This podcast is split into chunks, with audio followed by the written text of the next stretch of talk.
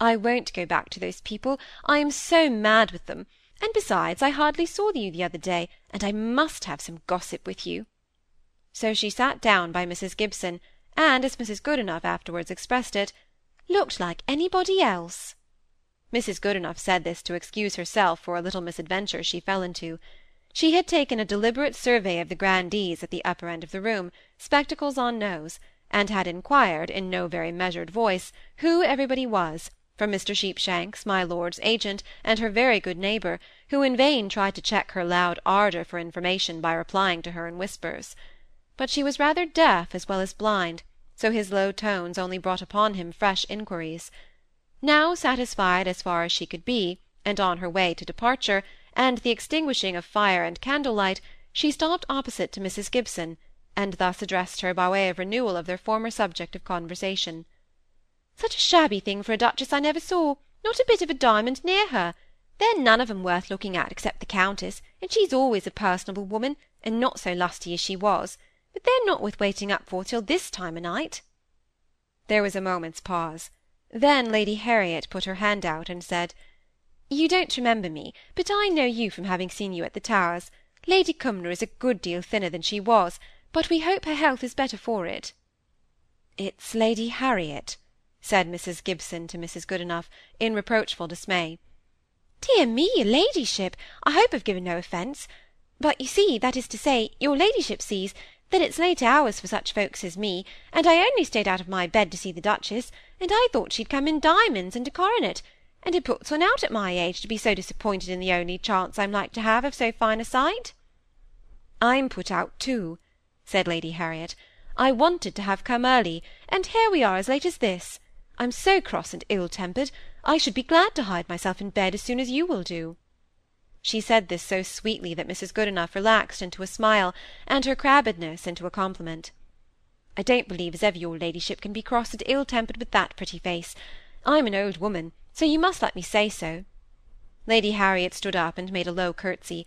Then holding out her hand, she said, "I won't keep you up any longer, but I'll promise one thing in return for your pretty speech. If ever I am a duchess, I'll come and show myself to you in all my robes and gewgaws. Good night, madam."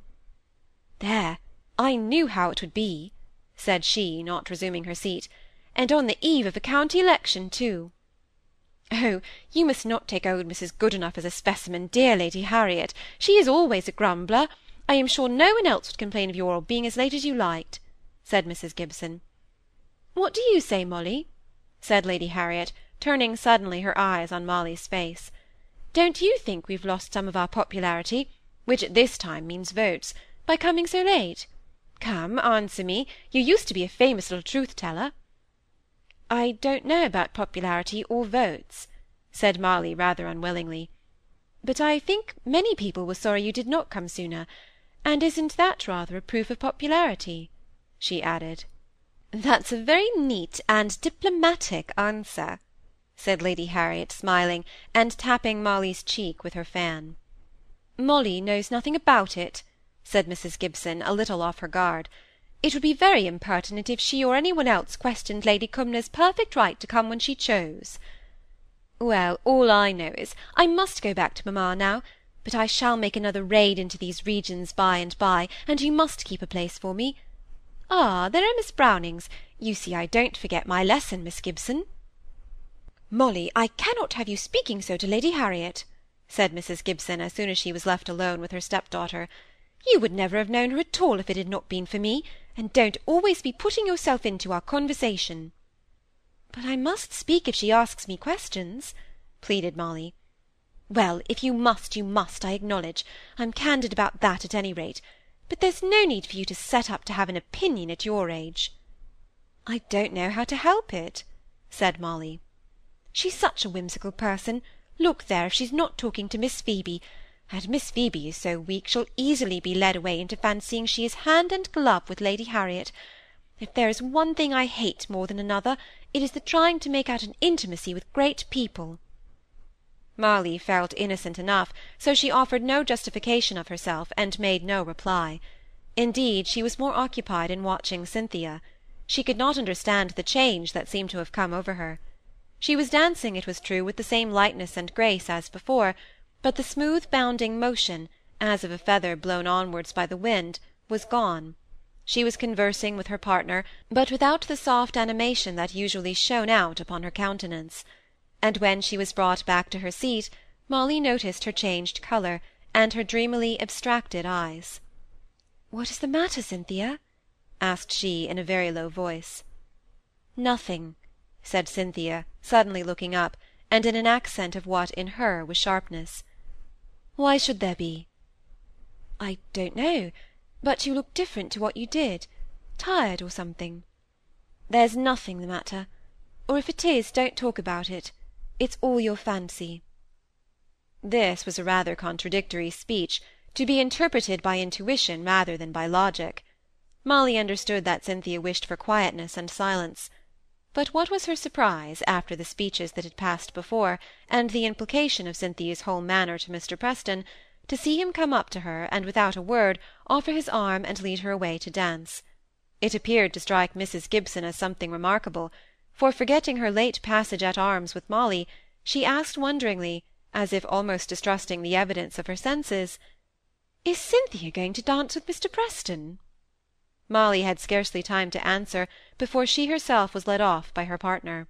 She could hardly attend to him, or to the figures of the quadrille for watching for Cynthia among the moving forms. Once she caught a glimpse of her standing still, downcast, listening to Mr. Preston's eager speech. Again she was walking languidly among the dancers, almost as if she took no notice of those around her. When she and Molly joined each other again, the shade on Cynthia's face had deepened to gloom. But at the same time, if a physiognomist had studied her expression, he would have read in it defiance and anger, and perhaps also a little perplexity. While this quadrille had been going on, Lady Harriet had been speaking to her brother. "Hollingford," she said, laying her hand on his arm, and drawing him a little apart from the well-born crowd amid which he stood, silent and abstracted. "You don't know how these good people here have been hurt and disappointed with our being so late, and with the Duchess's ridiculous simplicity of dress." "Why should they mind it?" asked he, taking advantage of her being out of breath with eagerness. "Oh, don't be so wise and stupid. Don't you see, we're a show and a spectacle. It's like having a pantomime with Harlequin and Columbine in plain clothes." "I don't understand how," he began. "Then take it upon trust. They really are a little disappointed, whether they are logical or not in being so, and we must try and make it up to them; for one thing, because I can't bear our vassals to look dissatisfied and disloyal, and then there's the election in June." "I really would as soon be out of the house as in it."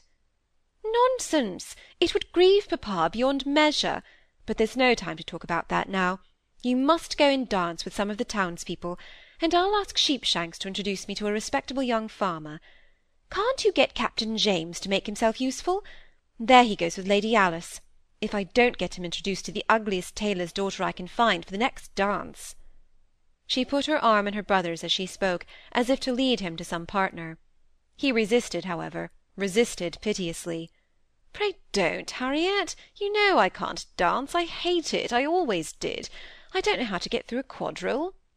"It's a country dance," said she resolutely. "It's all the same. And what shall I say to my partner? I haven't a notion. I shall have no subject in common.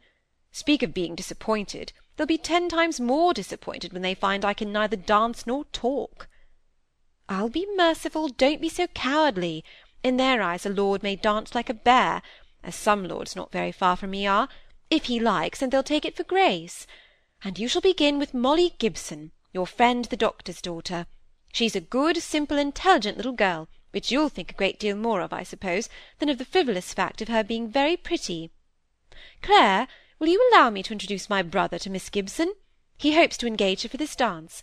Lord Hollingford, Miss Gibson. Poor Lord Hollingford! There was nothing for it but for him to follow his sister's very explicit lead, and Molly and he walked off to their places, each heartily wishing their dance together well over. Lady Harriet flew off to Mr. Sheepshanks to secure her respectable young farmer, and Mrs. Gibson remained alone, wishing that Lady Cumnor would send one of her attendant gentlemen for her.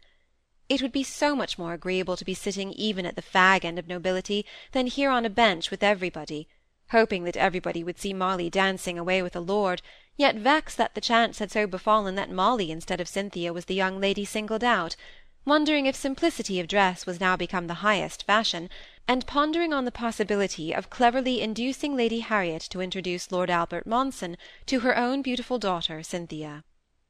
Molly found Lord Hollingford, the wise and learned Lord Hollingford, strangely stupid in understanding the mystery of cross hands and back again, down the middle and up again. He was constantly getting hold of the wrong hands, and as constantly stopping when he had returned to his place, quite unaware that the duties of society and the laws of the dance required that he should go on capering till he had arrived at the bottom of the room. He perceived that he had performed his part very badly, and apologized to Molly when once they had arrived at that haven of comparative peace, and he expressed his regret so simply and heartily that she felt at her ease with him at once, especially when he confided to her his reluctance at having to dance at all, and his only doing it under his sister's compulsion. To Molly he was an elderly widower, almost as old as her father, and by and by they got into very pleasant conversation. She learned from him that Roger Hamley had just been publishing a paper in some scientific periodical, which had excited considerable attention, as it was intended to confute some theory of a great French physiologist, and Roger's article proved the writer to be possessed of a most unusual amount of knowledge on the subject.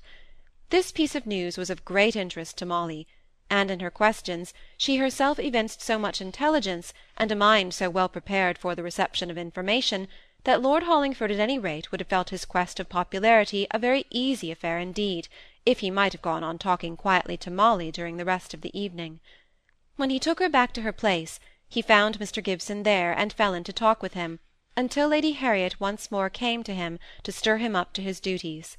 Before very long, however, he returned to Mr. Gibson's side, and began telling him of this paper of Roger Hamley's, of which Mr. Gibson had not yet heard. In the midst of their conversation, as they stood close by Mrs. Gibson, Lord Hollingford saw Molly in the distance, and interrupted himself to say, "What a charming little lady that daughter of yours is! Most girls of her age are so difficult to talk to, but she is intelligent and full of interest in all sorts of sensible things. Well read, too. She was up in Règne Animal, and very pretty." Mr. Gibson bowed, much pleased at such a compliment from such a man, were he lord or not. It is very likely that if Molly had been a stupid listener, Lord Hollingford would not have discovered her beauty; or the converse might be asserted, if she had not been young and pretty, he would not have exerted himself to talk on scientific subjects in a manner which she could understand. But in whatever way Molly had won his approbation and admiration, there was no doubt that she had earned it somehow. And when she next returned to her place, Mrs. Gibson greeted her with soft words and a gracious smile for it does not require much reasoning power to discover that if it is a very fine thing to be mother-in-law to a very magnificent three-tailed bashaw, it presupposes that the wife who makes the connection between the two parties is in harmony with her mother. And so far had Mrs. Gibson's thoughts wandered into futurity. She only wished that the happy chance had fallen to Cynthia's instead of to Molly's lot. But Molly was a docile, sweet creature, very pretty, and remarkably intelligent, as my lord had said. It was a pity that Cynthia preferred making millinery to reading, but perhaps that could be rectified. And there was Lord Cumnor coming to speak to her, and Lady Cumnor nodding to her, and indicating a place by her side. It was not an unsatisfactory ball upon the whole to Mrs. Gibson although she paid the usual penalty for sitting up beyond her ordinary hour in perpetual glare and movement.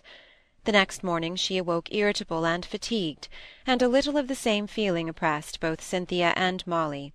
The former was lounging in the window-seat, holding a three days old newspaper in her hand, which she was making a pretence of reading, when she was startled by her mother's saying, "Cynthia, can't you take up a book and improve yourself? I am sure your conversation will never be worth listening to unless you read something better than newspapers. Why don't you keep up your French? There was some French book that Molly was reading, Le Règne Animal, I think. No, I never read it, said Molly, blushing. Mr. Roger Hamley sometimes read pieces out of it when I was first at the Hall, and told me what it was about. Oh, well, then I suppose I was mistaken. But it comes to all the same thing. Cynthia, you really must learn to settle yourself to some improving reading every morning. Rather to Molly's surprise, Cynthia did not reply a word, but dutifully went and brought down from among her Boulogne school books Le Siècle de Louis Quatorze. But after a while Molly saw that this improving reading was just as much an excuse for Cynthia's thinking her own thoughts as the newspaper had been.